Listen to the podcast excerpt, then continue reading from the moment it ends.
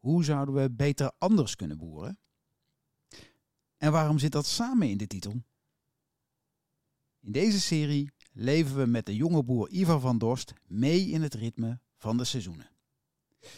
In ons eerste gesprek, aflevering 16 van de Beter Anders podcast, maakten we kennis met Ivar en spraken we over de winter.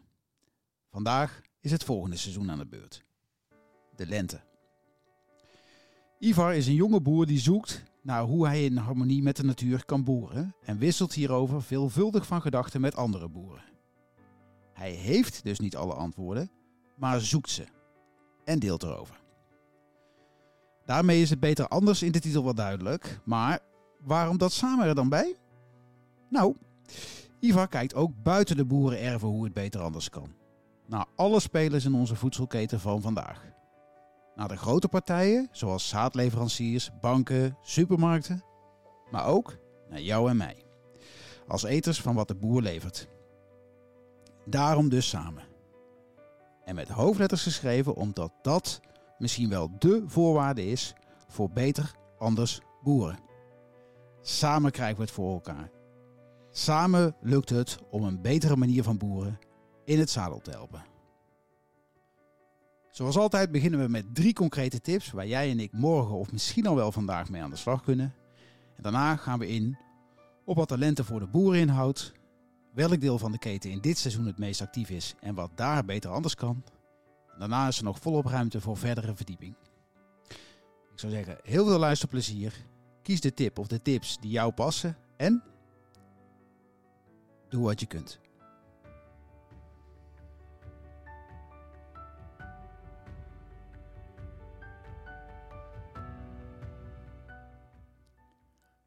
Zo, dan zijn we weer op Yes. de zolder bij Ivar Op de zolder in de schuur. in de schuur. Uit onze winterslaap. Ja, nou ja, daar zei je net nog iets anders over. Maar ben jij al uit je winterslaap dan? nou, eh, zo voelt het niet altijd. Dus, eh, nee, maar het begint te komen. We zitten hier Eh, nog maar net aan de aanvang van de lente. Dus het is buiten nog best wel droevig weer voor de, de mensen. Eerste Ehm, lentedag. maar toch gaan we... Ja, de, de eerste lentedag. Ja. Ehm, maar 21 toch gaan we lekker focussen op die lente. Ja, En ik heb er wel zin in. Mooi zo. Hey, de lente. Ja. ja, hier ook. Ehm, nou ja, mijn eerste vraag. Kijk, normaal gesproken heb ik een voorbeeld waarin ik altijd begin met een, met een vaste vraag. Dat gaan we niet nog een keer doen, want dat zit in de eerste aflevering. Maar ik had wel een andere. Wat is jouw favoriete seizoen eigenlijk? Oeh, goeie. Ik denk eigenlijk de lengte. Ehm, zeker omdat je dan net uit die winter komt, zeg maar. Een winter waar je wel die rust hebt kunnen pakken. Ja, Ehm, en waar je natuurlijk ook ergens een beetje minder in gemoedstoestand en energie komt, zeg maar. Hè? Dat je op een gegeven moment een beetje klaar bent met die winter. En juist dan die eerste lentedagen, dat warme zonnetje, die frisse geuren, dat allemaal, dat, dat gevoel. En, en, en zeker ehm, als, als, als boer zijnde, zeg maar, dan wil je weer aan de gang. Dan wil je weer dingen, dan wil je letterlijk dingen gaan zaaien. Dan wil je weer. En dan denk je eigenlijk weer dat je heel veel op je bordje kan nemen. Dus dat, dat, dat is ook altijd wat ik even terug, ehm, terughoudend in moet zijn. Eh, want je denkt weer dat je alles aan kan, zeg maar, met, met dat ontwakening eh, van heel die natuur. Maar eh, vind ik wel het mooiste seizoen, ja. En de knoppen aan de bomen, zijn dat ook nog dingen waar je dan eh, die je op ja, kan die, vallen? ja, die, ja, die oh, bloemetjes, echt komen. alle, alle kleine dingetjes. Ja, ja, precies. En die zie je nu ook al. Dus Ja. Ja. En, eh, ja, want ehm, ik heb zelf het idee dat het sneller gaat, of eerder is in het jaar. Maar dat weet ik niet zeker eigenlijk. Want bij mij staat nu de perenboom. eh, ik heb één perenboom eh, uit een oude boomgaard gekocht. Nou joh, eh, zondag of zo in één keer zag ik, jeetje joh, een hele tros alweer van de bloemetjes die eraan beginnen te komen. En Ja. echt veul Ja. ineens. Ja, en je Is dat juist, vroeg of is dat een normale tijd nu? Ja, dat, dat, dat vroeg dat eh, de, de normaal verandert natuurlijk, hè? Ja. Eh, op het spectrum. Nee, maar dat is mijn vraag Dus, eigenlijk. eh, Dus heb je... Het, het is relatief vroeg misschien, maar ehm, eh, wat je dan vooral moet opletten, en zeker als, als, als, ehm, als fruitteler, zeg maar, ehm, dan moet je gaan opletten, want je hebt nog een hele lange tijd tot, tot eigenlijk 11 mei ijsheilige.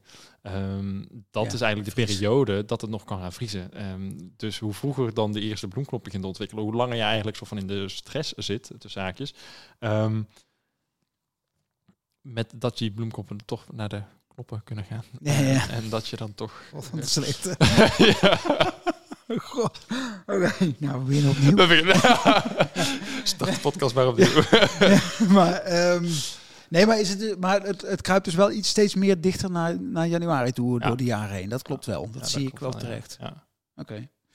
Oké. Nou goed. Eh, we zitten hier om eh, te constateren wat er, kan, wat er gebeurt en wat we eraan kunnen doen. Dus eh, misschien wel een mooie brug dan naar de tips. Want we, ja, Yes. heb je? Ja. Ehm, ja, ik probeer hem dit keer in ieder geval wat meer even op de agrarische sector te focussen. Jullie Mhm. kennen mij nu, ehm, dus Ja. daar hoef ik even niet op te focussen. Ehm, en waar we in het voorjaar vooral mee bezig gaan zijn, is eigenlijk ehm, hè, zaaien. Dat voorjaar is van zaaien. Dus alles rondom zaaien is dan eigenlijk belangrijk. Eh, dus het zaaizaad zelf, dat is één. Ehm, de, de grond, dat is eigenlijk een, een twee. En eh, de meststoffen, dat is drie. Die ga ik nou even uitspitsen in dan soort drie tips.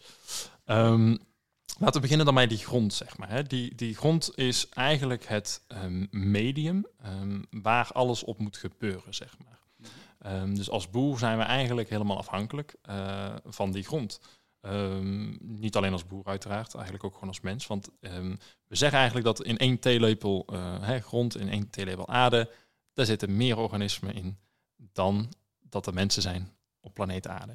Jij hebt eh film gekeken, denk ik, of niet? Onder het maaiveld. Onder het maaiveld. Heb Ja. je die gezien? Onder andere. Oh ja. ja, ik maar de- deze ja. quote, ja, deze quote wordt al best wel heel lang in, de, in, in onze sector in ieder geval al gebruikt, zeg maar. En er kwam ook in die film onder het maaiveld eh, voor. Eh, sowieso een aanrader voor de mensen. Ja. Ehm, volgens mij in de bioscoop te bekijken. Ja, ja, ja. precies. Ehm, dus, maar wat, wat, wat wij dus doen, is wij gaan kijken wat hebben we, zeg maar. Wat, wat hebben we aan, aan de bodem? Wat, wat is er? Hoe, hoe zit die in elkaar? Dus eh, stel, ik, ik ga opnieuw beginnen met boeren of ik koop een nieuw stuk land. Maar zelfs dus op je huidige stuk land, hou je dus in de gaten in het voor je van, oké, wat heb ik aan, aan, aan bodem? En Hoe ligt hij erbij? Is hoe ligt hij erbij? Dus eh, wat, wat, wat is, ehm, is, is hij luchtig? Is hij, is hij heel vastgereden? Moet ik daar dan iets aan doen om dat te veranderen? Mhm. Ehm, maar ook gewoon, net als eh, nu we hier zitten, ehm, het is al twee, drie weken heel veel aan het regenen. Ja, dan kan ik niks doen. Ook al mijn, mijn lentekriebels zijn eigenlijk aan het kriebelen om te beginnen met de grondbewerking en zaaien. Maar dat kan niet. Want het is gewoon te nat. En dan kan ik wel zeggen, ik ga de grond op en ik ga van alles doen. Ehm, maar die structuur ehm, zou je dan zo beschadigen dat je gewoon geduld moet hebben. Ja. Ehm, en dat zal in je eigen tuin ook voorkomen. Als het heel hard heeft geregend en je gaat dan proberen om te scheppen, dan is alles, eh, de grond is heel zwaar en massief. of, of modderachtig, zeg maar. Waardoor er geen, als je er dan in gaat werken, dan, dan, dan maak je de structuur kapot, zeg maar. Ja. Dus die dat structuur is begreep ik dat je dat sowieso niet te veel aan moet lopen morrelen ja, uit diezelfde film. Ja, precies. Dus je, ieder jaar liter probeer je zo min mogelijk impact te hebben op heel die bodem. Ja. Ehm, want al dat bodemleven wat erin zit, hè, dus van wormpjes tot, tot, eh, tot bacteriën, tot aan schimmeldraden, tot aan plantenwortels. Dat zorgt er allemaal voor dat je die structuur krijgt, dat je die wortelgangen, eh, of eh, überhaupt gewoon ja, wortelgangen, wormengangen, Mhm. eigenlijk alles wat zeg maar die, ehm, hoe zeg je dat? Eigenlijk die wormen, die schimmels en die wortels van die planten, die gaan eigenlijk allemaal van boven naar beneden en een beetje van links naar rechts, zeg maar, netwerken aanleggen. Hè. Schimmels doen dat heel breedschalig op een hele kleine ehm, manier, of fijne manier. Eh, die planten doen dat best wel grof. En die wormen, die, die graven echt gangetjes, die gaan naar boven. En je hebt van die pendelaarwormen, noemen we dat dan. Mhm. Die gaan echt naar het oppervlakte, die gaan naar de blaadjes ophalen, zeg maar, die in de herfst zijn gevallen Ja. of eh, iets dergelijks. beneden. En die brengen dat naar beneden en die poepen dat daar weer uit. En, en zo zijn ze eigenlijk de meststoffen van boven naar beneden aan het brengen. En beneden, waar dan die wortels van die plant zitten, die gevoed moeten worden. Mhm. Nou, en dat gezamenlijk zorgt voor een hele goede textuur, structuur. Ehm, en tegelijkertijd dat er eh, water in die gangetjes kan gaan zitten, waardoor jouw ehm, grond als een soort spons kan gaan werken. Ja. Eh, en tegelijkertijd zuurstof krijgt. En eh, planten hebben ook zuurstof onder de grond nodig in de wortels. Of het bodemleven eigenlijk. Oké, maar dan even terug en proberen samenvattend. Ja. precies, want het, het, het waait uit en dat snap ik wel hoor. Maar, de, maar de- eigenlijk zeg je, je kijkt naar de grond, kijkt naar de stand en je bepaalt dan wat er moet gebeuren. Waarbij je datgene wat er moet gebeuren eigenlijk moet doen op het moment dat het niet doorweekt is, de bodem. Ja, dus je gaat kijken naar wat heb je Ja. ehm, en wanneer kan ik er iets mee doen en wat Ja. moet ik doen. En, en Ja. wat ik moet ik doen, ze laten we gewoon bodemanalyses maken en daarin krijgen we dan te zien van, oh je hebt te weinig ijzer in de bodem zitten of je die- pH-waarde is te Maar die laat elke boer maken. Er komt een soort van eh, gronddokter langs, die, doet een, eh, die steekt er een thermometer of die, die haalt er een monster uit. Je haalt er een monster uit, zeg maar. Dus je haalt Ja, dus op allerlei plekken in de grond, stekt hij allemaal eh, een stukje grond eruit, zeg maar. Dat, dat, dat vermengt hij dan. En Maar dat doet elke boer? Elk jaar? Dat doet elk boer, niet elk jaar, vaak om de vier of vijf jaar. Ehm, en dat kun je een beetje een algemene een basisanalyse doen of een heel gedetailleerde waar echt alle eh, micronutriënten, alle vo- voedingsstoffen eh, in meegenomen worden. Nutriënten meer zeggen, hè? Dat was de afspraak. ja, we hadden het er net over dat ik al niet te veel moeilijke woorden moet gebruiken. Dus probeer het allemaal uit te gaat goed, gaat goed. Ehm, dus wij proberen dat zo diepgaand mogelijk te doen, zodat we zo Ja. goed mogelijk die bodem kunnen gaan begrijpen. En, en, en, en, en, het is gewoon iets heel onbegrijpbaars. We weten nog maar heel weinig over die bodem, maar die bodem zit echt gigantisch vol met leven. Mhm. Heeft zo'n grote impact op, eh, op het hele systeem, zeg maar. Dus die biodiversiteit waar we het in de vorige podcast over hadden, eh, is het ook weer terug aan te linken. Eh, en die zit ook, ook heel erg actief in die bodem. Ja. Ehm, dus die bodem is echt van cruciaal belang. eh, en dan moeten we eerst analyseren wat hebben we en wat is ons vertrekpunt. Maar dat is tip 1. Dus kijk goed naar de, de bodem en kijk wat er moet gebeuren. En kies het moment waarop je daar wat aan doet. Yes. Dat zijn eigenlijk al drie in één, maar goed. Eén A, B, C. Ja. Maar ehm, wat je zei, ik wil het met name op boeren doen. De, de podcast richt zich, nou ja, eh, iedereen is welkom. Boeren zijn welkom. eh, andere mensen ook. Als ik hem vertaal naar mijn eigen tuin, daar gaf je al aan. hè, Dan moet je ook niet eens doen als het nat is. Wij gaan geen bodemmonsters eh, zo snel doen, denk ik. Nee, dat is ook niet nodig. Is er een makkelijke... Maar dat- Nou, dat is dus ook een beetje, heb daar ook geduld, zeg maar. Hè? Mhm. En, en, en ehm, ja, ga er ook niet aan de gang als, als daar de plassen water in staan, zeg maar. Laat dat dan gewoon rusten, zeg maar. Die, ga pas eh, die tuin in eh, eh, aan de slag, zeg maar, als, als dat het een beetje toelaat. Dus bij een klein miseregentje mag ik thuis al zeggen van... eh Ja. kan echt niet naar Een buiten excuus op, nee. Nou, Want Ivar zegt dat straks je vrouw aan de lijn. Ja, ja. Nee, nee, nee. Je mag gewoon in de tuin aan de slag. hoor. Maar Nee, niet nee. als het een week lang heeft staan regenen. Althans, dan mag het wel. Maar dan Ja. wil je zelf al niet waarschijnlijk. En dan heeft het ook eh, minder zin voor die bodem.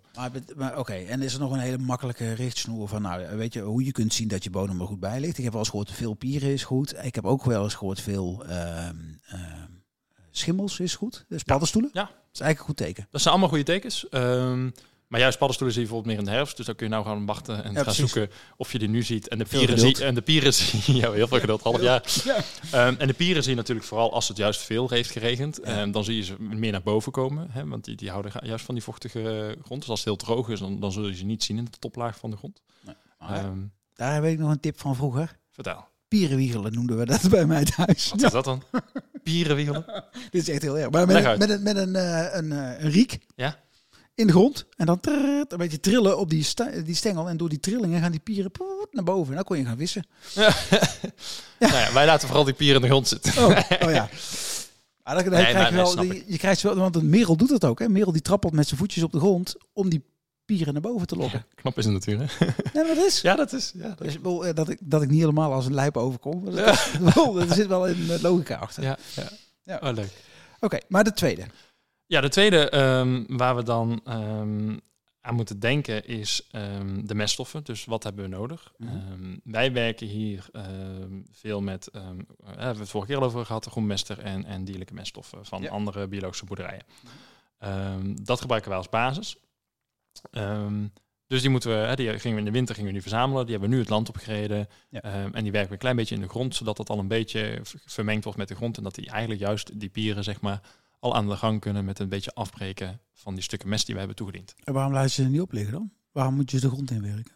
Eh allereerst is het verplicht bij wet om dat te doen. Voor boeren. maar is het ook een goede wet? Dat is op vraag. zich een goede wet. Ehm, hij kan altijd tweeledig zijn natuurlijk. Maar eh, het is een goede wet, want anders krijg je dus dat ehm, die stikstof die in die mest zit, dat die dus kan gaan oxideren eh, en dat die dus gaat vervliegen in de lucht. Ja. En dan krijgen we stikstofuitstoot en dat is natuurlijk nu het Daar hele willen we debat. vanaf. Ja, Dus daar willen we vanaf. althans meer. Ehm, Ja. Ehm, en dan kwam ik toevallig ehm, afgelopen week dan zelf tot een eh, interessante ontdekking. Ja. Wa- Wat, wat hè, hij had op LinkedIn gezien. Ehm, dat, en dat, dat verbaast me echt enorm. dat, eh, dat er bewust microplastics worden toegevoegd aan kunstmest. Maar dat had een reden, hè?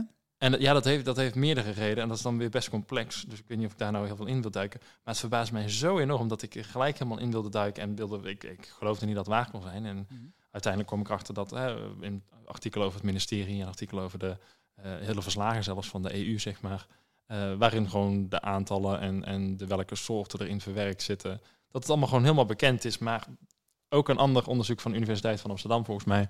Waarin, ehm, waarin de boeren werden geïnterviewd en dit verteld werd aan ze. En dat ze dat ook niet eens wisten, zeg maar. Ja. Ja. En, en het verbaast me ook zo erg, omdat mijn vader is ook altijd tuinder geweest. Gangbaar, dus niet biologisch.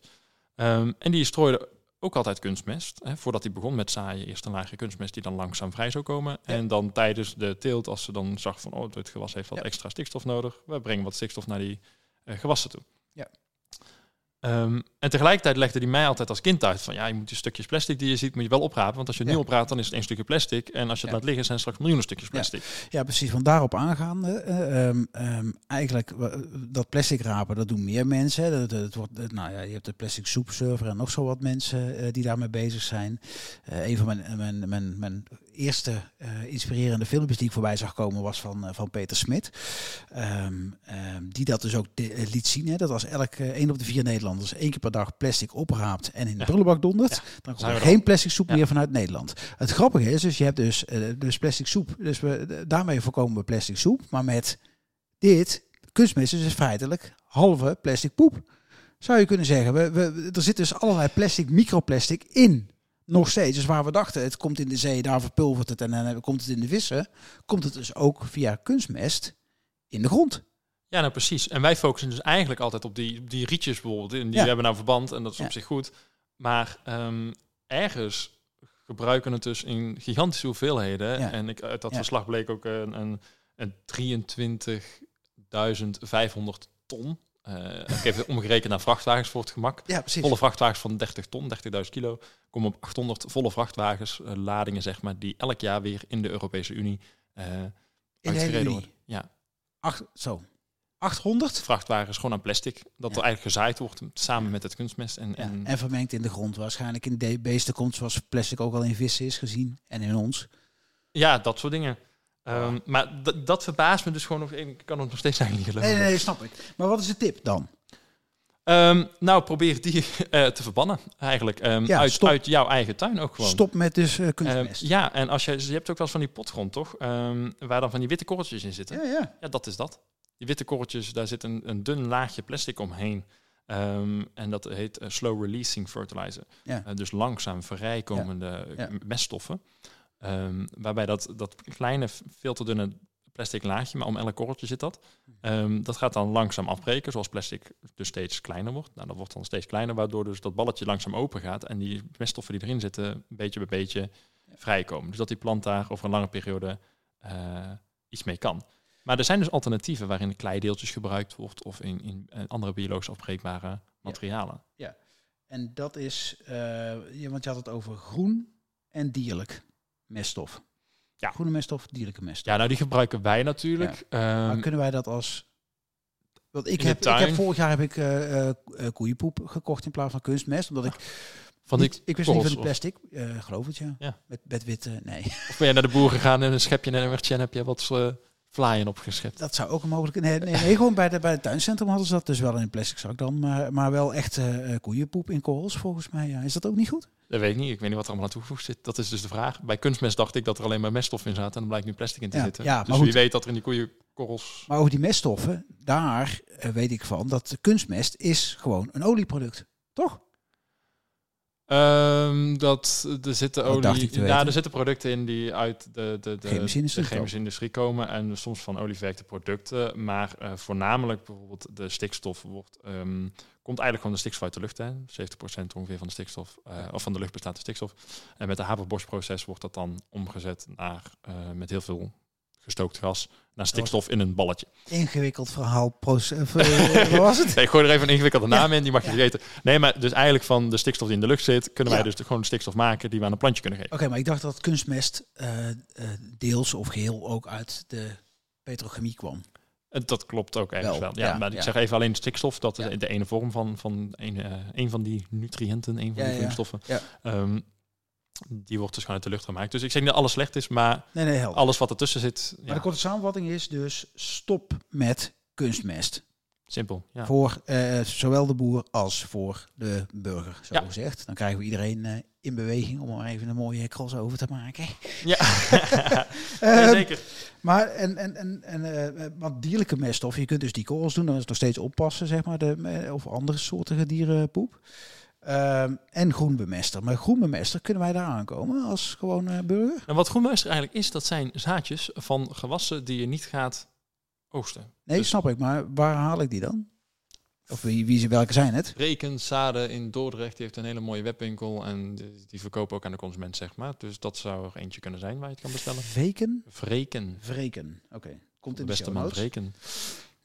Ehm, dus op zo'n plek kun je gewoon die, die, dat soort zaden. Dat is een zadenmengeling, het liefst een vaak een mengeling eh, waarin je dus plantjes hebt die stikstof binden, plantjes hebt die de wortels doorgronden en dergelijke. ja. En die laat je dus groeien. En dan werk je die plantjes een beetje de grond in. Of soms hebben ze dat ze niet winterhard zijn, dus dat ze door het vriezen gewoon zelf afsterven. Mhm. En dan hebben ze dus eigenlijk koolstof uit de lucht kunnen opnemen om te groeien eerst. En die koolstof die ze dan eerst uit de lucht hebben genomen om te groeien, die wordt dan Die zeg wordt maar de afgebroken in de grond. En dan breng je dus koolstof in de grond. Dan leg je koolstof vast. Ja, maar dan is het misschien een beetje een rare vraag voor mij geweest. Want dat betekent dat ik, wel, ik heb gras eh, liggen, ik, heb een, eh, ik ben een groentetuin aan het eh Voor die groentetuin zou het kunnen. Voor die andere zou ik Nee, niet zo en een aanraden. perk, maar een perk is bijvoorbeeld. Als Ook jij enkeljarige planten erin zou zetten, dan zou je daar bijvoorbeeld in de winter, ehm hè, want die enkeljarige wel. planten die Ja, haal je in de herfst uit. Ja. Ehm, in die winter zet je dan die groenmesten, werk je in het voorjaar in en dan zaai je weer Ja. de nieuwe enkeljarige planten in het voorjaar. Ja. Maar die enkeljarige planten moet je eigenlijk laten zitten, heb ik me laten vertellen. Want in de holle buisjes daarvan Daar kunnen dat- weer, dat- over, overwinteren eh, eh, insecten en Daar dergelijke. hebben we het vorige eh, keer over gehad. Ja, Ja. klopt. Dus dan moet je gewoon maar de zaadjes van die groene Dus eigenlijk die omheen kun je gooien. vergeten. In de, in de tuin is het niet zo praktisch, laat Nee, ik het zo zeggen. nee. Dit is echt... eh, Dus eh, dan is de simpele voor de, eh, voor de burger, meid, kunstmest, eh, kies voor groene poep. precies. Oké, op bruin, maar dan, ja. Goed. Nummer drie. Ehm, nummer drie is dan, wat hebben we dan nog nodig om te zaaien? We hebben grond, we hebben mest, dan hebben we nog zaaizaad nodig. Ja. Ehm, en dat zaaizaad ehm, heb je ook in zoveel diverse vormen. En ehm, wat er heel veel gebruikt wordt in de agrarische sector eh, zijn eh, veredele ehm, rassen. Ehm, en Mhm. eh, dat veredelen is dus eigenlijk selecteren op een bepaalde eigenschap. Dus je zegt ik wil meer opbrengst of ik wil dat de gewassen goed tegen de chemische middelen kunnen die ik gebruik. Ehm, maar eigenlijk moet je het zien als een soort een, een, een taartdiagram, zeg maar. Als je zegt ik wil meer opbrengst, dan betekent dat je dus ook minder van andere dingen kan krijgen. Hè, als ik jou vraag van, eh, jij moet heel goed kunnen presteren bijvoorbeeld ehm, in, in topsport, dan kan het makkelijk zijn, dat, omdat jij zo goed, als ik jou zo goed in het trainen ben, alleen daarop, dat jij eh, jouw wiskundetaal en, en andere vaardigheden niet zo goed bij kan houden, dus dat je daarop inlevert, zeg maar. Nou, voor hetzelfde is dat dus voor die plantjes. Wil je er heel veel opbrengst uit krijgen, dan kan het makkelijk zijn dat, zeg maar, dat, er, dat er niet meer geselecteerd wordt op die micronutriënten, op, op de gezondheidsvoordelen zeg maar, van het plantje. Vooral op volume, opbrengst, eh, appearance, zeg maar, hoe, het, hoe, het, eh, hoe een broccoli eruit ziet. Ja. Eh, dat soort dingen. Ja. Ehm, en daar heb je dus ehm, zaadvaste rassen. En de zaderij is daar een, een voorbeeld van waar je die kan bestellen. Ehm, en dus voor je eigen groentetuin, voor je eigen moestuin kan dat prima. En dat zijn dus eigenlijk gewoon nog de rassen zoals ze een beetje bedoeld waren, zonder dat ze ehm, zwaar veredeld zijn. Of ook, werden. ja, en wat we tegenwoordig vaak hebben is, en dat we moeten het niet moeilijk maken, ehm, hybride rassen, F1-rassen. En eh, als boer zaai je die dan en wil je daar het zaad van winnen, dan krijg je dan allemaal mutantjes, zeg maar.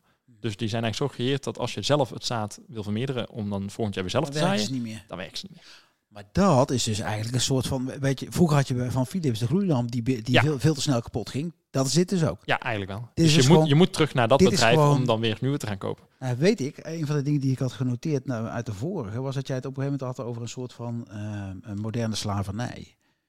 Dat is, is dat, zit dit een beetje in die hoek? Ja, zo, ja Eh, ja, nou, slavernij wil ik dat het is niet het goede noemen. woord, maar het is... Maar, Maar, je- wat je krijgt is afhankelijkheid. Ja, precies. Ehm, en en ehm, een, een, zo'n zaadbedrijf, ehm, hè, dus dat is een van de toeleveranciers aan de boer, die, ehm, die heeft daar een verdienmodel aan natuurlijk. Ehm, en die kunnen daar een licentie, licentie op aanvragen op een bepaald gewas, ehm, waardoor eh, hun de rechten hebben. En die verloopt na tien jaar. Ehm, dus hebben ze na tien jaar nog niet echt een verbeterd ras veredeld, eh, voor gezorgd. Wat ze dan doen is gewoon het, het, oude ras soort van herintroduceren onder een nieuwe naam. En misschien een kleine nutje aangeven. Zo van, hij is nog net iets beter resistent tegen deze allergrootste ziekte waar dit gewas eh, dit- last dit- van heeft. En dit- kopen hem dan weer bij ons en dat trappen de boeren meestal in. maar dit klinkt precies als wat de medicijnindustrie ook doet. Ze hebben een korte periode om iets te... Ze hebben, ze, nee, ze hebben een lange periode nodig om iets goeds te ontwikkelen, zeg maar. Althans, hè, wat, wat dan goed Ja. lijkt te zijn. En dat kan nog steeds goed zijn, hè. Eh, maar daarna is er een beperkte periode waarin ze terug kunnen verdienen. En daar moeten ze eigenlijk wel zorgen. Want dan zijn ze de enige die het mogen leveren. En daarna mag heel de wereld het weer leveren. Ja. En dan, is het dus, dan gaat de prijs naar beneden. Ja, en dan probeer je dus te maar verlengen. daar moet ik wel aan denken. Ja, maar het is zo heel verschillend Hetzelfde zijn ze mechanisme dus. Oké. Maar even, wat was de tip nou? Want ik, die heb ik eventjes niet helemaal eruit Nou, dus kies dus vooral zelf in je eigen tuin die zaadvaste rassen. Eh, Kies zaadvaste rassen. Ja. Oké. Zaadvaste rassen. En de zaderij is dus eh de zaderij. Op zaderij.nl volgens mij. Daar heb je, dat is een van zo'n winkels eh, waar je dus dat soort rassen gewoon kan Maar die moet je als boer sowieso kiezen, zeg je? Want daar, dat kun je dan bij de zaderij halen. En ik als, als in die... Als, Nee, dit is echt voor, dit is echt voor de voor, Oh, de, voor- voor jullie iedereen. zeggen. Ja, voor jullie. Voor, voor, voor de Ja. tuinders. Voor de, Ja. de, de, de mensen met eigen tuin. Ja, Ja, nee. ja, ja. Eh, nee, als boer zou ik het ja, daar juist weer niet bestellen. Maar, En kun je dat ehm, ergens makkelijk op... Is er een soort van... kun je googlen op zaadvaste rassen? Ja, doe maar. Echt waar? Ja. Het is zo'n rare term, denk ik dan. Maar Ja. wie, wie gaat... Nou, oké. Nieuwe hobby. Ehm, helder. We gaan door, want eh, ik zie dat we al op 25 minuten zitten, Dick. Ehm er staat nog wel wat op de agenda. Ehm, wat, ja, wat, wat betekent boeren in de lente bij jou? Wat, de len- de lent, ja, wat betekent de lente voor jouw activiteiten? Wat doe je dan? Eigenlijk een beetje die dingen natuurlijk die we net al besproken hadden. Ja. Hè? Dus de, kijken wat we hebben, zorgen dat we alles hebben. Dus eh, meststoffen, zaaizaad en daar de juiste keuzes in maken. Nou, dat vergt eigenlijk best wel veel planning en tijd. Hè? Dus wat voor ras wil je zetten, waar wil je ze zetten. En dat vooral dat waar, dat is dan ook altijd echt een, een, een puzzel. Ehm, hè, eh, heel gangbaar is het om eh, als boer vier rassen te, of vier gewassen te telen in jouw ehm, teelt. Ehm, Is dat voor jou als, als strokenteelt wat jij doet? Voor mij is dat eh, weer anders, om, om- mede omdat ik zo'n strokenteelt eh uitvoer.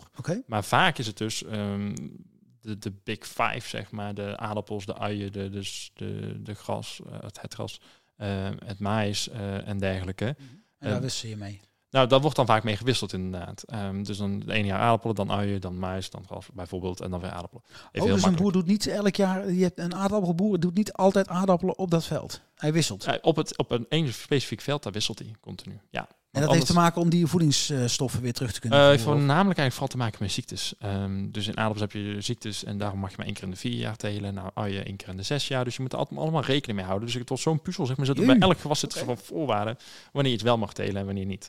Eh, nou, bij ons zijn dat dan meer dan vier gewassen. eh, Door die stroken? ja, nou, onder andere door de stroken, maar ook door de manier van waar, waarop wij de producten afzetten. Mhm. Dus verse groenten Ja. naar- direct naar de mensen, Mhm. de kruidenthee en dergelijke. Ehm, en er zijn ook hele andere gewassen dan gangbaar zijn. Ehm, dus hebben we een heel groot aanbod. En dan moet ik altijd echt heel goed nadenken van... oké, wat stond hier vorig jaar? Wat stond hier twee jaar geleden? En daar hebben we allemaal wel planningen voor. Maar dan moet je toch... omdat die, die gewassen die wij telen ook nog wel eens willen variëren... Ja. is het echt gewoon een puzzel van... wat mag dan waar staan? Dat het een goede voorganger had. Niet dezelfde ziekteportfolio's heeft, zeg maar. Mhm. Eh, ja, dat soort dingen moet je echt eh, rekening mee houden. Dus dan wordt het best complex. Ja. ja. Maar dat is dan een kwestie van plannen. En daarna is het uitvoeren van de planning, zal ik maar zeggen. Dus dan ga je alles zaaien, zaaien op het moment dat het uitkomt. Eh, eh, nou, op een nat houden is niet de goede term. Maar, maar verzorgen zodat het goed tot wasdom komt. Ja. Zijn er nog andere dingen die je in de lente meeneemt? Of die er interessant zijn om te melden? Ehm, nou ja, eh, natuurlijk weer echt een voorbereiding ook wel voor het jaar, zeg maar. Dus eh, in dit geval ben ik aan het bezig geweest met een aankoop van nieuwe machines, zeg maar. Een drietal kleinere machines die je dan nodig hebt, omdat je weet van, oké, als ik dit wil planten, dan heb ik weer een andere gespecialiseerde machine nodig die dit kan planten. Hè, dus met een aardappel eh, of met een, waar je graan mee zaait, kun je ook geen aardappels mee, mee planten, zeg maar. En, en ook geen sla. Dus dat, het heeft allemaal hele andere machines nodig. Dus daar moeten we de infrastructuur op inrichten. Ja, maar dat, dat is wel verrassend, want ik dacht dat de boeren voor een deel, of het boeren voor een deel ook heel erg, hè, je, bent, je, je doet het nu met wat er nu is. En dat je e- eigenlijk zou je een beetje eh licht zweverig, je leeft in het nu. Maar dat is helemaal niet waar. Je leeft in het nu, maar rekening houden met het verleden en rekening houden met de toekomst. Je bent de hele tijd flink ook aan het plannen heen en terug. Ja, het idealistische beeld zou zijn dat we in het nu leven. Ehm, en Ja, maar dat klopt dus niet. Nee, je bent eigenlijk best wel veel bezig inderdaad van wat hebben we vorige keer maar gezet. Daar moeten we rekening mee houden. Wat willen we in de toekomst dan maar zetten? Moet je ook rekening mee houden. Want als ik daar nu aardappels zet, dat betekent dat ik de komende vier jaar geen aardappels mag zetten. Nou, Ja. zoiets. Maar hetzelfde dus inderdaad. Je moet rekening mee houden van, oh, als ik straks, eh, ik heb dit nieuw gewas gezaaid. eh, aardappels gaat het eerste jaar worden dat ik dit grootschalig ga telen. Ehm, hoe ga ik dat straks oosten? Daar moet ik ook alvast mee bezig zijn. Want anders heb ik straks niet de machine om het te gaan oosten, zeg maar, bijvoorbeeld. Ja. Dus je bent best wel veel al organisatorisch bezig Ja. over het hele seizoen eh, verspreid. Nog andere dingen over de lente te melden? In jouw manier van boeren, dit is hem zo te zien. Ik zie een... eh, valt wel mee tuit. Ja, het valt wel mee. het meeste werk komt gewoon in de zomer eigenlijk Is uiteindelijk. zo Dan- het hardste werkseizoen, zeg maar? Ja, dat is de actie. Dan Ja, is het ja. seizoen van actie, zeg maar. Alles moet gebeuren, alles groeit snel. En dan zeker in, Ja. in eh, juni bijvoorbeeld, dan is langste dagen. Dus dan groeit alles het snelst, maar ook het onkruid. Dus dan moet je daar heel kort op zitten en Ja, dergelijke. precies. Eh, hoe langer de dagen zijn, hoe langer de boeren werken. Oké, dus en, en voor, voor, voor de, de gewone man met tuintje en dat soort dingen is het dus ook eh, zaaien, eh, wat je net zei. Hè? Zo, let een beetje op wat je, wat je in de grond stopt. Dat je daar niet allemaal plastic in, eh, in, in gooit. Ehm, Nee, maar zelfs als wij dus denken als boeren zijn te weten of, Ja, ja, of ja. niet te weten Nee, nee, dat, dat het er erin zit. Ja, nee, ja, nu ja. wel, ja. ja, oké. Ja, dan zit er toch wel een extra waarde in deze podcast, belangrijk. Ehm, oké, en, en ehm, ja, ik zit even te denken. Eh, ja, nee. Wat, wat zijn de voordelen van, van jouw manier van boeren in de, in, in de lente, zeg maar, ten opzichte van de klassieke? Kun je daar iets, is daar iets over te zeggen? Of is dat een. Wat zijn de voordelen in de lente van mijn manier van boeren? Mhm. Ehm, nou, het, het voordeel van bijvoorbeeld zo'n strokenteelt die wij toepassen, Mhm. Is dat er ehm, gedurende het jaar is er altijd wel een deel van het land eigenlijk bedekt met een, een, een groeiend gewas. Mhm. En wat je krijgt als jij op een, een heel grote vlakte, een akker zeg maar, ehm, één gewas ehm, zaait of teelt, is dus dat je ook een periode hebt dat heel dat land kaal moet liggen voordat je gaat zaaien. Ja. Komt er dan bijvoorbeeld een, een windvlaag of een storm aan, zeg maar, dan, dan krijg je heel veel van dat winderosie. Dan stuift het zand, en zeker hier op de zandgronden waar wij zitten, dan stuift al dat zand zeg maar weg. Mhm. En omdat we dus in strookteel telen, eh waarin we een beetje globaal vijf verschillende gewassen eh, laten roleren naast elkaar, ehm, kan het makkelijk zijn dat één vijfde of twee vijfde, als we twee gewassen al hebben gezaaid, dat die al aan het groeien zijn, terwijl dat dan misschien net de andere stroken eh, klaargelegd en kaal liggen om, om in te gaan zaaien. Ja, maar daarmee is waait dus in zo'n geval de, de grond eh, hooguit één, twee stroken verder. Ja, en dan van- komt hij tegen die plant aan die daar Ja, staan en ja. dan blijft hij daar weer liggen, zeg maar. Dus je houdt hebt een soort van windbarrières, zeg maar, een soort duinen binnen de Ja. akkers. Natuurlijke duinen. Ja. Je kijkt er zelf nog een beetje twijfelig bij, maar ja, het klinkt wel logisch. Klinkt het logisch? Ik zou het ervoor doen. Ehm, ehm, Oké, en, en, en, en dan, ik, had een, ik was even benieuwd ehm, wat dan het verschil is ten- ten opzichte van traditioneel, maar dat is dus dit. ja, bijvoorbeeld. Ga ik toch even een andere eh, ehm, crossover maken. Want iets wat ik bij traditioneel zie, ehm, denk ik. ehm, ik zie namelijk een, een- de afgelopen weken natuurlijk eh, verkiezingen gehad. Ik, ehm, ik rij wel eens nou, op, op andere plekken in het land. En ik, ik kom steeds hetzelfde soort veld tegen. En dat, dat is niet helemaal natuurlijk, zeg maar. Wat, om meerdere redenen. Maar dan kom ik langs het veld en dat ziet er redelijk oranje gekleurd uit. Met wat ik kan zien, gras of iets. iets met het echt oranje. Echt, plat, plat gespoten volgens mij. En wat daar niet natuurlijk op komt, is dat er dan zo'n zo'n bord op staat met BBB. Het kan BB beter. en eh, niks over hun, hè, want de boel, de, die, die komen op voor een belang wat, wat eh, eh, denk, hè, het boerenbelang is- gaat mij ook aan het hart. Alleen daarom zit ik hier al. Ehm, maar ik, dat oranje is niet, eh, niet heel gezond, denk ik. Als, als ik dat zou eten, of een koe zou het eten en die gaat melk drinken, dan moet je die melk ook beter niet drinken, denk ik. Van dat spul. Los van of de koe het eet, hè? Nee, ja, precies. Ehm, Of dat hij het nee, ja, wat, wat je dus ziet, hè, wat je nu schetst, ehm, dat zijn de akkers eh, waarin eerst gras gestaan heeft. En die akkers worden dan zaai klaargemaakt voor een ander gewas. Heel vaak Ja. mais. Eh, dat zijn de twee hoofdingrediënten eigenlijk voor de, de, de voeding van, eh, van een koe. Mhm. Ehm, en die boer die spuit dan eh, een glyfosaat, een, een eh, Roundup wordt dat ook wel genoemd volgens mij als, Ja. als ehm, supermarkt of tuincentrum ehm, gifsoort. En door dat te spuiten, eh, nou ja, dan ehm, gaat, ja. gaat het gras en eventueel onkruid wat ertussen staat, gaat dan dood. Dat verkleurt dan echt, echt ja, oranje, donkergeel, zeg maar. Ja. Ehm, en daarna gaat die boer dat dan eh, zijn land bewerken, omploegen. ehm, zodat hij daarna kan zaaien en dat het gras niet terug kan groeien. Ja. Dus dat is de reden waarom hij dat gebruikt. En het is niet zo dat die mais die daarna komt dan die, die, die gif oppakt of zo. Dat zou inderdaad kunnen, maar ja, Daar letten ze wel op. Meestal. Daar mag ik van, nou ja, ja. Daar, daar is onderzoek altijd nog een beetje schemerig over, heb ik het idee. Maar Mm. ehm, we mogen ervan uitgaan dat dat dan... eh, in principe, gewassen zouden niet echt ehm, veel ehm, pesticiden en dergelijke opnemen. Maar Ja. het komt wel voor. Je hebt bepaalde gewassen die ook zware metalen juist heel goed op kunnen nemen. Dus op die manier komt het wel voor. Maar het kan ook gewoon uitwaaien naar de buurman. En daar zou het dan eigenlijk groter risico kunnen voor. Ja, daar had je het de vorige keer over. Hè? Dat het eh, als, als jij de enige, eh, eh, laten we zeggen, groene oase eventjes. dus niet- Ja. de, zon, daar doet niemand iets tekort mee. Dat bedoel ik niet. Maar als dan iedereen om jou heen wel eh, lekker voluit Roundup of glyfosaat gaat lopen gooien. Dan, ja, dan verweeft dat nog steeds in jouw land. Ja, het kan overwaaien, dus dat is wat Ja. ik nu bedoel. En waar we het vorige keer volgens mij over hadden, dan is of naar het grondwater inderdaad Ja. uitlopen. Mhm. Ehm, waardoor het uiteindelijk toch een beetje bij jouw land in, in de buurt zou kunnen komen. En Ja. daar wil je natuurlijk gewoon heel voorzichtig mee zijn. Ja, ja precies. Oké, maar, ja, goed, maar goed, dus, maar, eh, maar de, eh, dus de, het voordeel van dat oranje spuiten is dat je eh, eh, in ieder geval hè, de, het spul wat je niet wil hebben, gras, eh, nou ja, eh, Ja, dat dat de nek omdraait, Ja. simpel gezegd. En dan vervolgens, eerst draai je het gras de nek om, daarna je de grond eh, draai je om, Ja. zodat het, het gras in de grond komt Ja. te zitten en dan komt er nieuw gewas op. Ja, Dus het eigenlijk om met de schone lei te beginnen. Dat is waar de boer het zeg maar voor gebruikt. precies. Eh, en dit is de chemische manier. En in de Ja. biologische manier zouden we ehm, bijvoorbeeld een, een, een, ja, dat noemen we sculperen. Ehm, en dat is zeg maar op een net onder de wortels ga je het dan eigenlijk soort van afsnijden. Dat is waar je het dan zeg maar af wil snijden. Dus dat, dat, dat, dat ehm, zou ik er nou gewoon doorheen gaan roeren door de, door de graspollen, Mhm. dan eh, zit het gras nog steeds aan de wortels vast. En dat, als er is nog maar een klein worteltje, nou als maar een klein worteltje de grond aanraakt, dan zou die weer terug kunnen groeien. Dus als we Ja. net onder die wortels eh, scheiding van, van Ja. plant naar wortel daar af kunnen snijden, dan sculperen we dat, noemen we dat. Ja, En, dan, werken we het, dan werken we het maar in een, een- alleen in het bovenste laagje van de grond idealiter in. In de bovenste 8, 10 of 12 centimeter. In plaats van 25 bijvoorbeeld. Wat met ploegen gebeurt. Mhm. Eh, en daardoor hou je dus eh, en al dat biologisch materiaal, wat, wat eigenlijk dat gas is, zeg maar. Ja. Die koolstof en stikstof en wat dat allemaal is.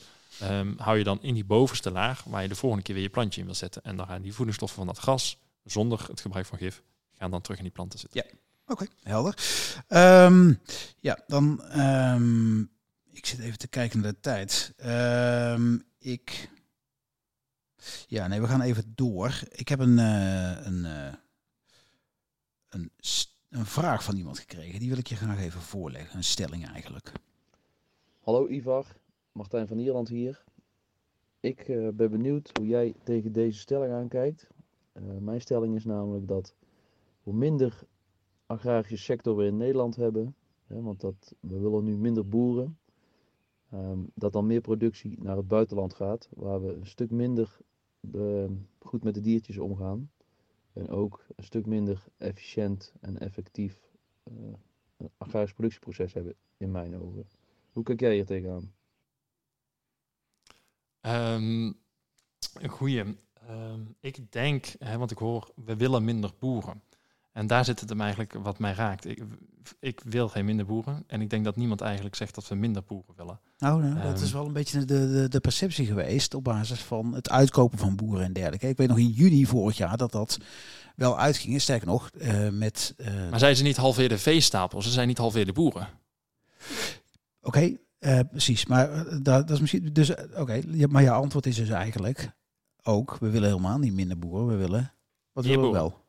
Meer boeren. Ja, wat mij betreft, ja, wat mij betreft willen we alleen maar meer boeren. Ja. En, en meer boeren die er ook een, een inkomen uit kunnen halen. En in dit systeem waarin we nu werken, lijkt dat niet goed te werken. En, en dat systeem is inderdaad, wij als groot exportland, we importeren voedsel eh, of eh, veevoer. En dat geven we dan aan de dieren. En dan exporteren we twee derde van het vlees weer als eh, ja, naar het buitenland. Ja. Ehm, dus wij zijn een soort doorvoerhaven. En wat we hiermee achterblijven is mest en stikstof. Ja. Ja, dat, dat klinkt mij niet echt als, als een goed boerenmodel, zeg maar. Ook niet voor de boer zelf. Maar dan zeg je dus eigenlijk hier in Nederland: eh, we halen spullen binnen om eh, eh, nou, vlees en andere dingen op te kweken. En we, we, plegen eigenlijk een soort van roofbouw op de rijkdom van, van de bodem. En die exporteren we weer naar het buitenland. Dus we zijn eigenlijk zelf onze, onze natuurlijke staat van de bodem aan het achteruit laten lopen op deze manier. Ja, als we het hebben over dat stikstof wat dan neerdwarrelt in... Ja. Ja, ja, waarschijnlijk. Ehm, en ik zou dus pleiten van... Oké, die boeren die hoeven helemaal niet eh, te stoppen met boer zijn. Die gaan gewoon op een andere manier boeren. Ja. Ehm, En die- we kunnen dus meer ehm, eh, granen, zaden, pulvruchten... dingen die eigenlijk de mens gelijk zelf kan consumeren. Mhm. Hebben we vorige keer al even over gehad. Kunnen we opnemen. Maar je zegt nog iets, hè, want je zegt die kunnen dan ook beter verdienen. Want nu, eh, je hoort wel eens dat dat, dat, dat nog nou ja, niet zo meevalt, zeg maar, om een goede boterham te verdienen. Nee, klopt. Ehm, we zitten eigenlijk in. We zijn met heel veel boeren. Ja. Ehm, en uiteindelijk gaat dat via een, een vijftal inkooporganisaties van supermarkten naar heel veel consumenten. Mhm. Dus dat is dat zandlopersmodel. Volgens mij hebben we het er vorige keer al even over gehad. Um, Ehm, nee, ga verder. Ja. Oh, nou goed. Ja. Dus we hebben heel veel boeren. Dat, dat, dat gaat misschien door nog net wat minder. Hè. Dus we gaan nou iets nauwer naar het zandlopermodel. Ja. Nog net iets nauwer aantal opkopers, zeg maar. Groothandelaren, fabrieken die er gaan verwerken.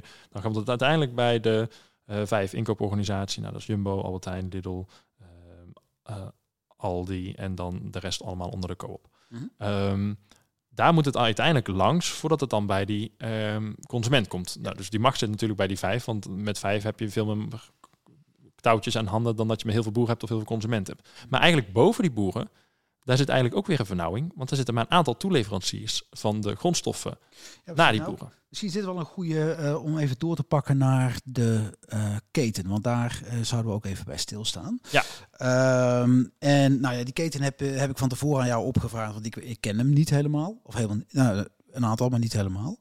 Ehm, nou, die is te lang om hier even op te sommen. Want ik denk als ik bij nummer 7 ben, dat iedereen eh, nummer 1 is vergeten. Dus we kiezen ervoor om even degene eruit te lichten die op dit moment eh, in de lente gaan een rol gaan spelen. Dan hebben we het over de zaadveredelaar, de zaadvermeerderaar, de toeleveraar, le- toeleverancier van zaaigoed en meststoffen. En de boer, maar die, is, eh, die speelt in het hele spel Elk mee. seizoen, ja. Ja, dus laten we even die zaadveredelaar, za- zaadvermeerderaar en de toeleverancier van zaaigoed. Ik moet elke keer lezen, want ik schrijf het niet zo netjes. Zaaigoed en meststoffen. Ja, en dit is dan echt voor eh, alleen nog maar de plantaardige productie. Hè? Dus hier Ja. heb je nog niet dan Nee, snap ik. Maar veevoer en dergelijke. Dus. over.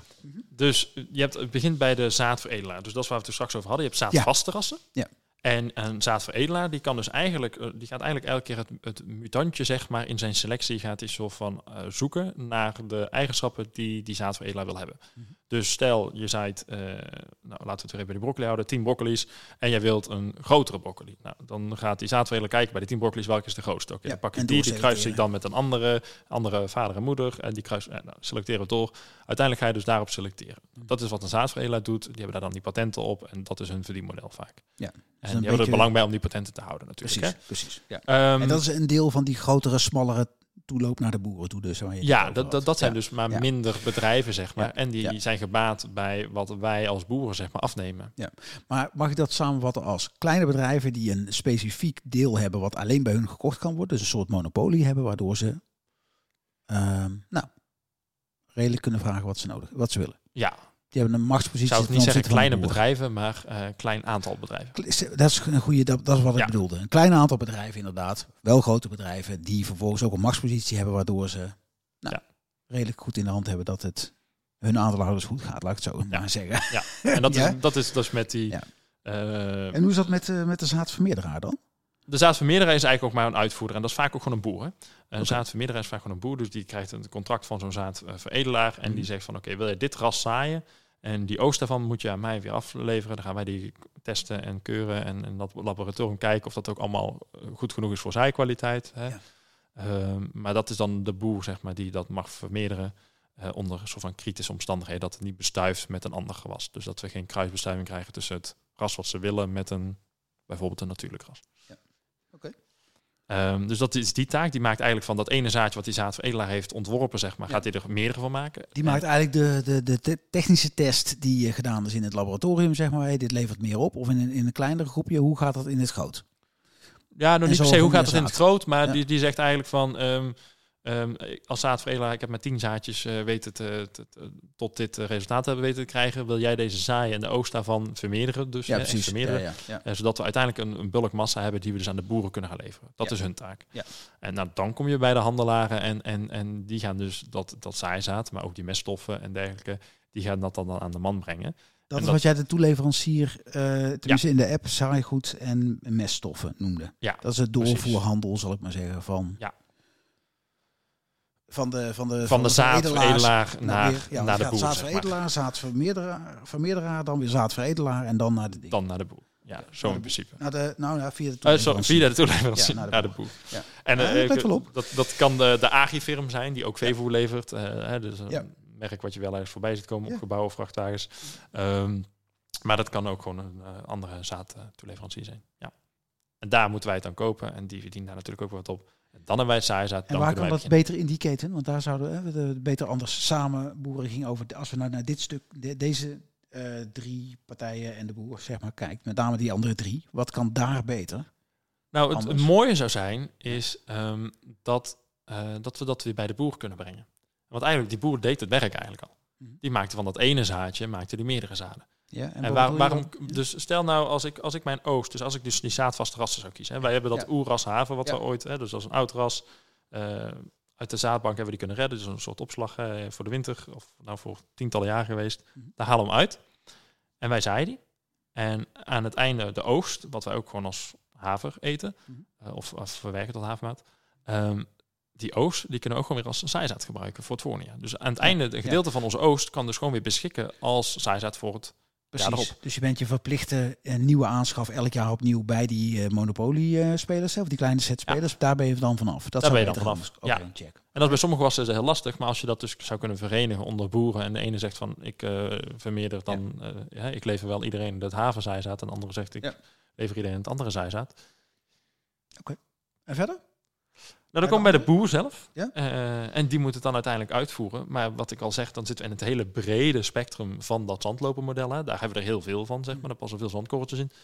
Ehm, en, en dat is dus altijd waar dan zeg maar de, de macht verliest. En, en als er dus ergens iets in de prijs gedaan moet worden, ja, dan kunnen we op dat brede vlak kunnen we zeggen van, oh, wil jij het niet aan mij verkopen of wil jij Ja, het niet van mij afnemen? Dan heb ik voor jou tien anderen inderdaad. Ja, ja, Ehm, precies. waardoor de boer dus eigenlijk altijd zwak staat en uiteindelijk een beetje soort van het, het, het poppetje is, zeg maar, voor al die industrieën die eromheen zitten. En er is geen vakbond of zo van boeren die dit die Nou ja, tegen. Je ziet natuurlijk nu alle agactie en, en, en, en partijen die zich hard maken ervoor. Begint nu Ehm, te komen. Begint nu te komen. En de- daar, ja, daar kan ik ze alleen maar in supporten. Want eh, de boer moet niet langer meer uitgeknepen worden naar mij. Ja, nee, Eh, de gemiddelde inkomen van de boer is vaak gewoon onder bijstand. En uiteindelijk zitten ze op een, op een Onder vermogen- bijstand. Ehm, en dat is niet alle, maar het gemiddeld komt dat daar wel op uit. Ehm, en ik had toen straks was er hier nog een boer, een collega boer van mij, een bioboer ook. Hmm. Ehm, en die zei van ja, maar als ik het arbeid door iemand anders moet laten doen, dan zou het niet kunnen. Ik zei ja, dan zou het toch ook moeten kunnen. Ja. Want eigenlijk zeg je nu, ik neem genoegen met een heel laag loon, zodat het wel kan, zeg maar. Ja. Anders kost het me geld en nu verdien ik er heel weinig mee. Eh, je zit een beetje naar de tijd te kijken. Maar dit.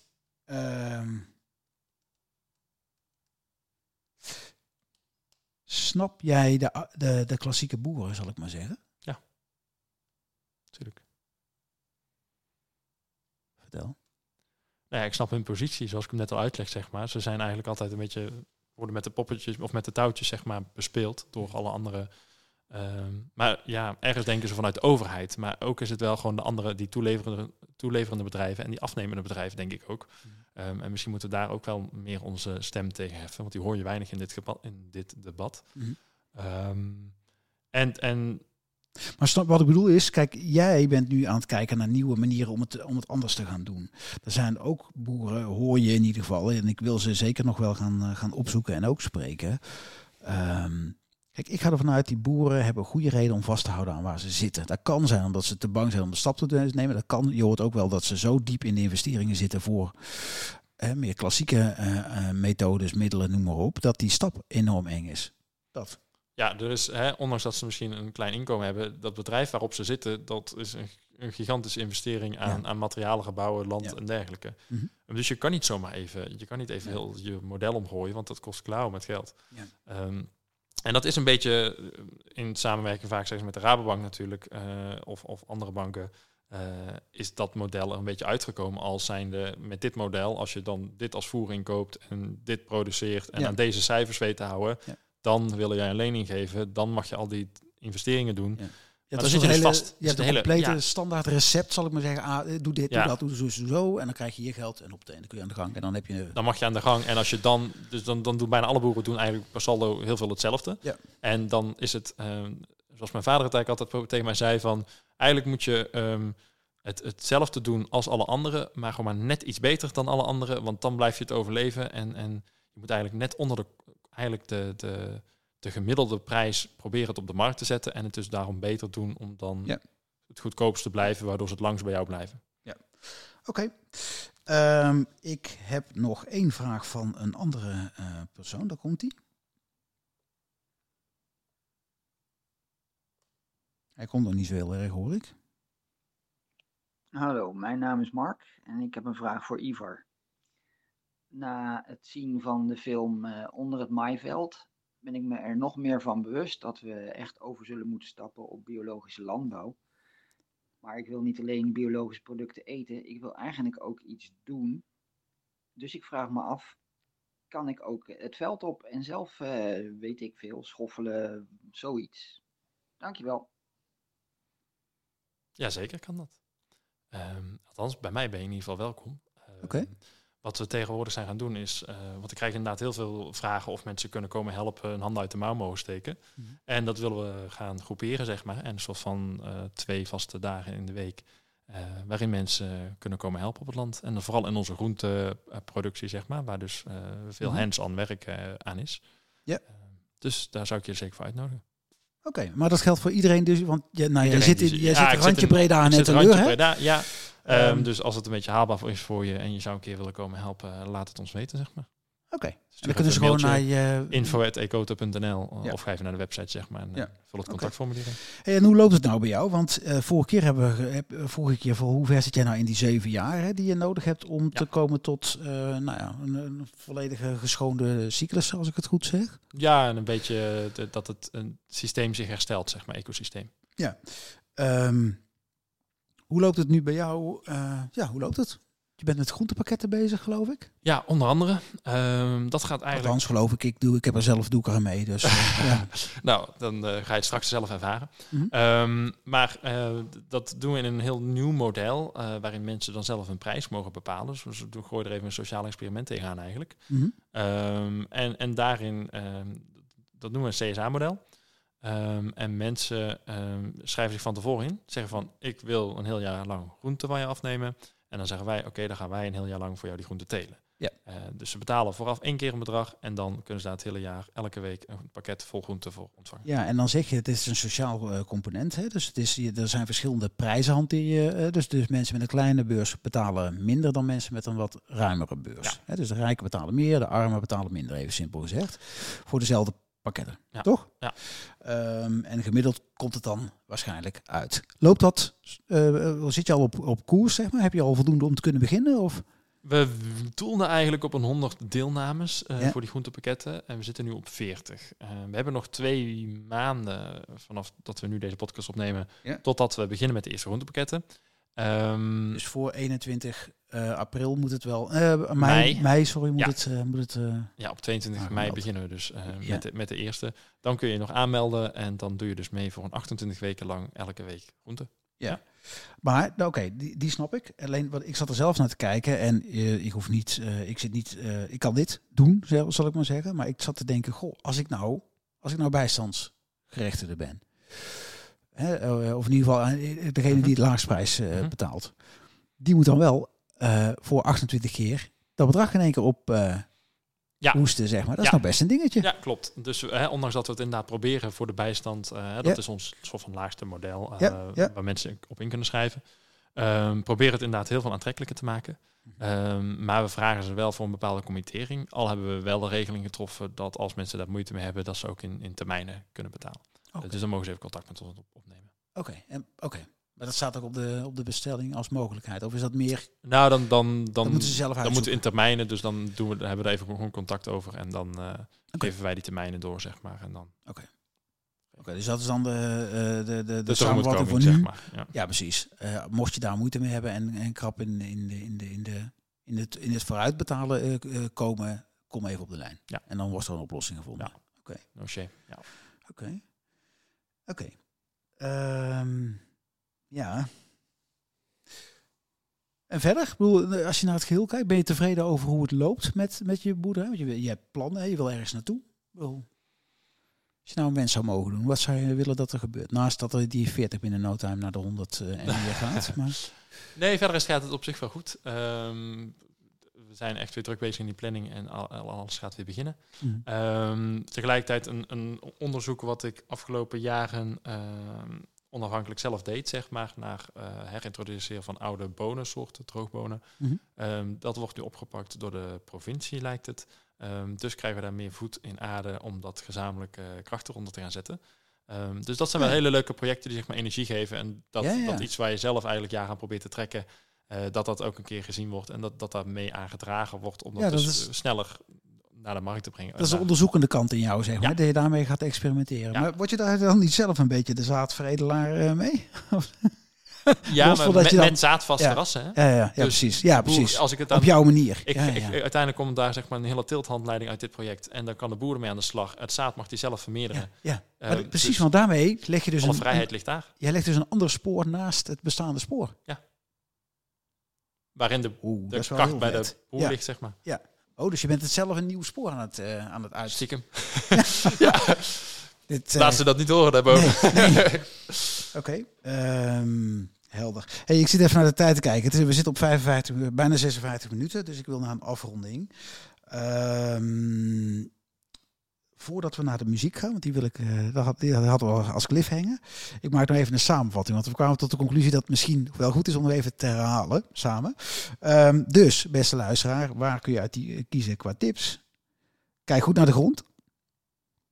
Kijk goed naar de, naar de grond. Kijk wat daar moet gebeuren. En, eh, en doe dat. Hè. Dus of dat dan water, eh, lucht er, eh, erbij, voeding erbij, dat je daar goed naar kijkt. Ehm, maar stop dan vooral met kunstmest. Doe dat niet. De tweede, eh, oh sorry, dat is de tweede tip. Stop, eh, d- eh, voeg geen kunstmest toe. Die lopen een Kies beetje aan voor- elkaar over. ja, Ja. kies, kies voor natuurlijke meststoffen om die grond eh, verder eh, weer rijker te maken. En de derde, kies zaadvaste rassen, waar we mee eh, net ook nog even op terugkwamen. Ja. Ehm, nou, dat zijn de tips. Dan denk ik dat het een mooi moment is om over te gaan naar wat jouw muziekkeuze eh, is. Welk nummer ga jij in de playlist opnemen?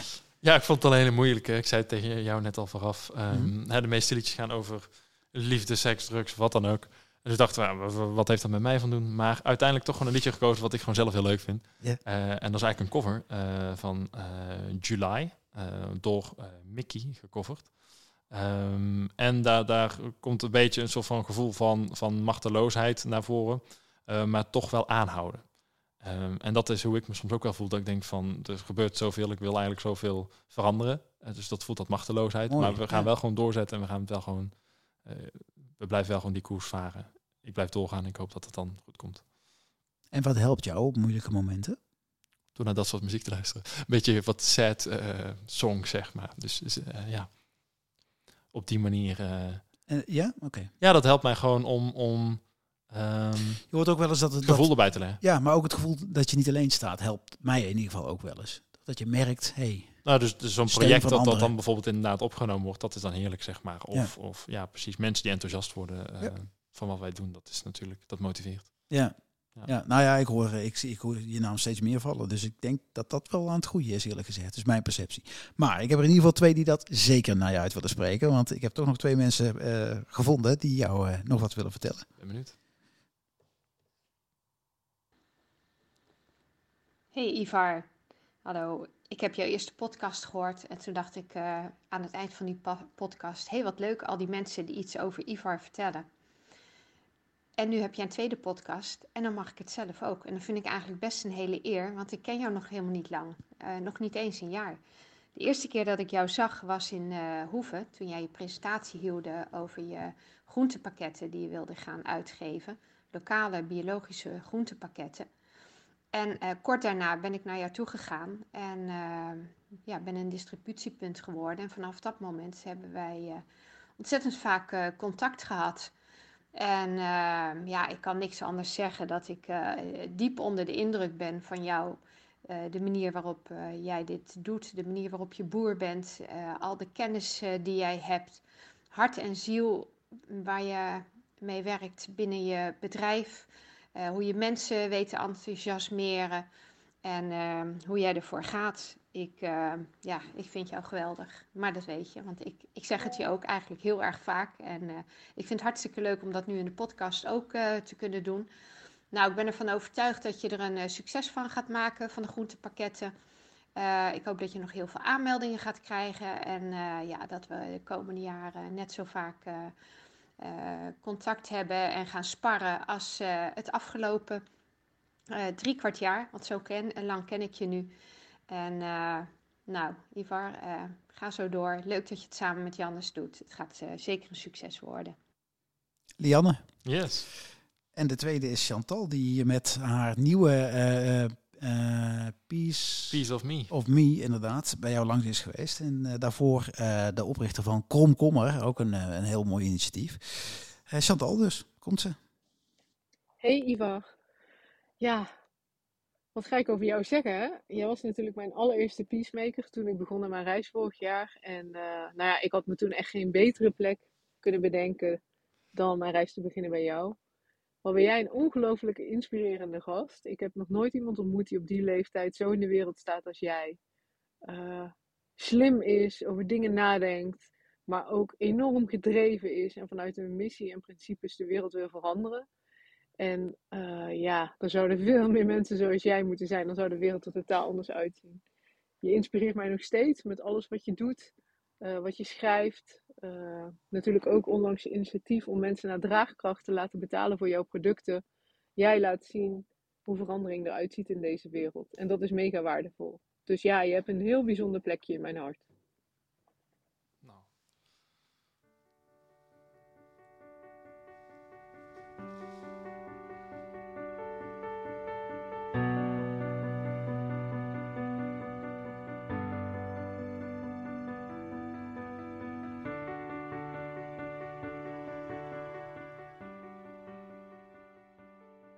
Ja, en daarmee is ook deze tweede aflevering van de serie Beter Anders Samenboeren ten einde gekomen. Ivar, dankjewel voor uh, goede tips en weer een mooi gesprek. Uh, ja, het duurt nog een maand of drie voordat de volgende uh, er zal komen. Ik kijk er naar uit. luisteraar, mocht jij nou nog een vraag hebben aan Ivar of aan mij... of weet je iemand die je graag in de podcast zou willen zien langskomen... stuur dan een mail naar ludo.beteranders.nl en dan wens ik je voor nu een fijne dag en uh, tot de volgende keer.